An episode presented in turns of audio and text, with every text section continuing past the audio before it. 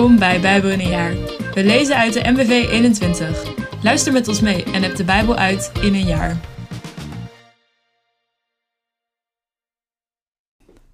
Hallo allemaal! Welkom bij de eerste podcast van Bijbel in een jaar. We gaan in 2022 de hele Bijbel door. Het is vandaag 1 januari, dag 1. We lezen vandaag Psalm 1, Genesis 1 en Genesis 2, vers 1 tot met 17 en Matthäus 1. Psalm 1. Gelukkig de mens, die niet meegaat met wie kwaad doen, die de weg van zondaars niet betreedt, bij spotters niet aan tafel zit, maar vreugde vindt in de wet van de Heer en zich verdiept in zijn wet, dag en nacht. Hij zal zijn als een boom, geplant aan stromend water. Op tijd draagt hij vrucht, zijn bladeren verdorren niet. Alles wat hij doet komt tot bloei. Zo niet de wettelozen, zij zijn als kaf, dat verwijt in de wind. Wettelozen houden niet stand waar recht heerst.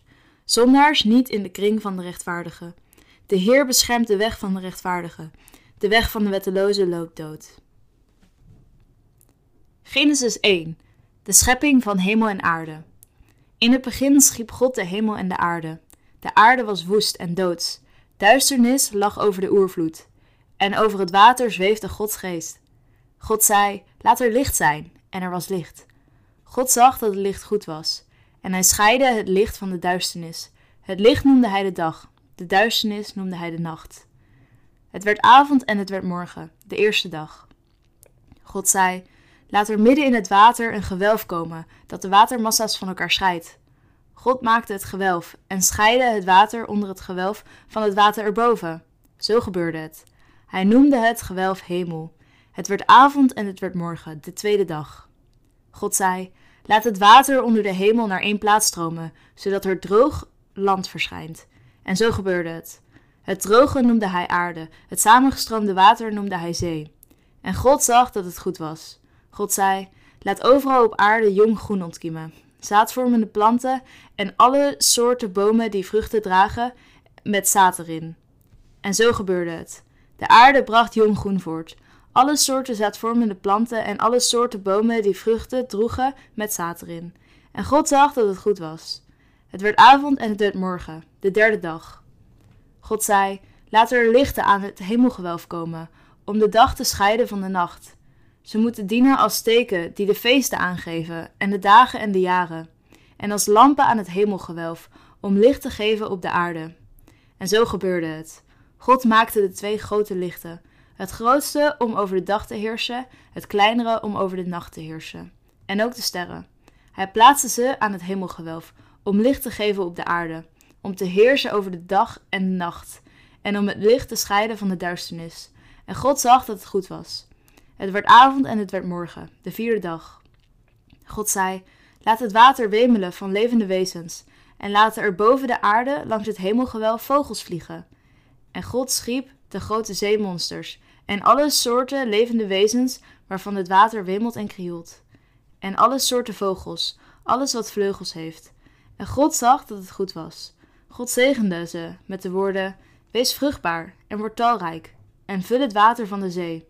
En ook de vogels moeten talrijk worden, overal op aarde. Het werd avond en het werd morgen, de vijfde dag. God zei: Laat de aarde alle soorten levende wezens voortbrengen, alle soorten vee, kruipende dieren en wilde dieren. En zo gebeurde het. God maakte alle soorten in het wild levende dieren, alle soorten vee en alle soorten dieren die op de aardbodem rondkruipen. En God zag dat het goed was. God zei: Laten wij mensen maken, die ons evenbeeld zijn, die op ons lijken. Zij moeten heersen over de vissen van de zee en de vogels van de hemel, over het vee, over de hele aarde en over alles wat daarop rondkruipt. God schiep de mens als zijn evenbeeld. Als evenbeeld van God schiep hij hem, mannelijk en vrouwelijk, schiep hij de mensen. Hij zegende hen en zei tegen hen: Wees vruchtbaar en word talrijk. Bevolk de aarde en breng haar onder je gezag. Heers over de vissen van de zee, over de vogels van de hemel en over alle dieren die op de aarde rondkruipen. Ook zei God: Hierbij geef ik jullie alle zaaddragende planten en alle vruchtbomen op de aarde. Dat zal jullie voedsel zijn aan de dieren die in het wild leven, aan de vogels van de hemel en aan de levende wezens die op de aarde rondkruipen, geef ik alle groene planten tot voedsel. En zo gebeurde het. God zag alles wat hij had gemaakt. Het was zeer goed. Het werd avond en het werd morgen, de zesde dag. Genesis 2 Zo werden de hemel en de aarde in al hun rijkdom voltooid. Op de zevende dag had God zijn werk voltooid. Op de zevende dag rustte hij van het werk dat hij gedaan had. God zegende de zevende dag en heiligde die, want op die dag rustte hij van heel zijn scheppingswerk. De tuin van Eden. Dit is de geschiedenis van de hemel en de aarde. Zo werden ze geschapen. In de tijd dat de Heer God aarde en hemel maakte, groeide er op aarde nog geen enkele struik en was er geen enkel gewas opgeschoten. Want de Heer God had het nog niet laten regenen op de aarde. En er waren geen mensen om het land te bewerken.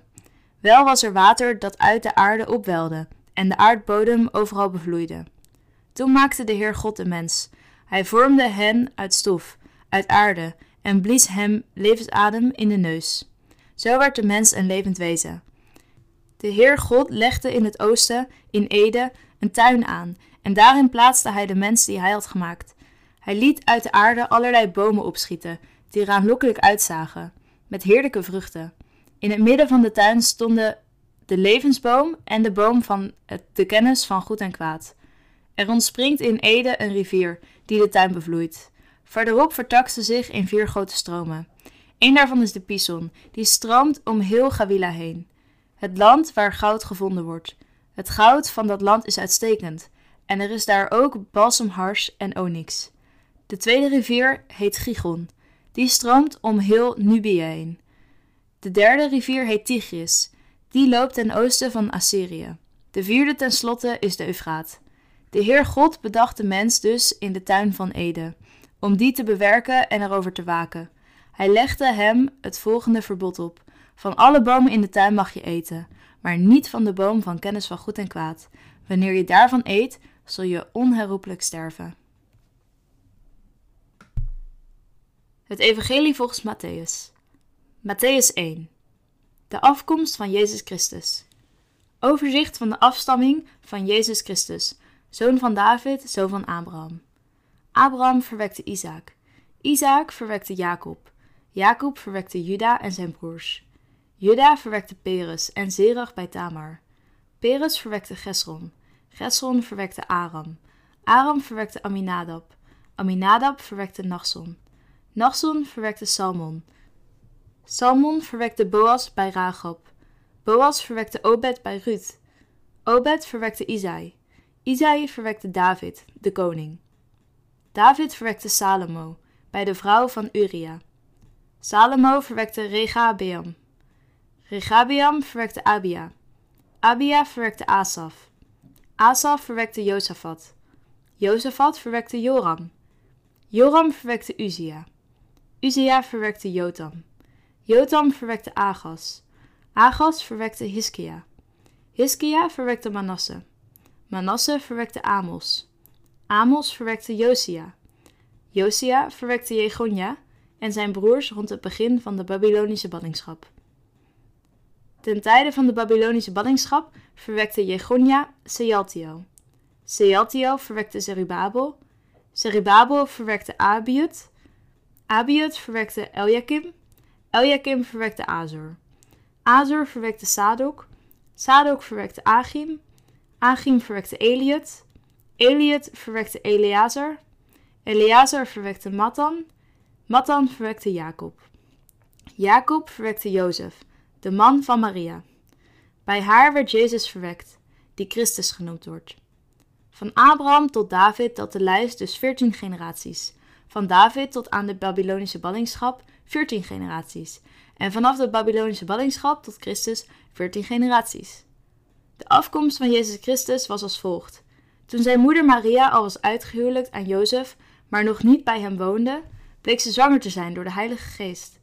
Haar man Jozef, die een rechtschapen mens was, wilde haar niet in opspraak brengen en dacht erover haar in stilte te verstoten. Toen hij dit overwoog, verscheen hem in een droom een engel van de Heer, die zei: Jozef, zoon van David, wees niet bang je vrouw Maria bij je te nemen, want het kind dat ze draagt is verwekt door de Heilige Geest. Ze zal een zoon baren. Geef hem de naam Jezus, want hij zal zijn volk bevrijden van hun zonde. Dit alles is gebeurd omdat in vervulling moest gaan wat bij monden van de profeet door de Heer is gezegd. De maagd zal zwanger zijn en een zoon baren. En men zal hem de naam Immanuel geven. Wat in onze taal betekent: God is met ons. Jozef werd wakker en deed wat de engel van de Heer hem had opgedragen. Hij nam zijn vrouw bij zich, maar hij had geen gemeenschap met haar voordat ze haar zoon gebaard had. Bedankt voor het luisteren allemaal. Nog een gezegende dag en tot morgen.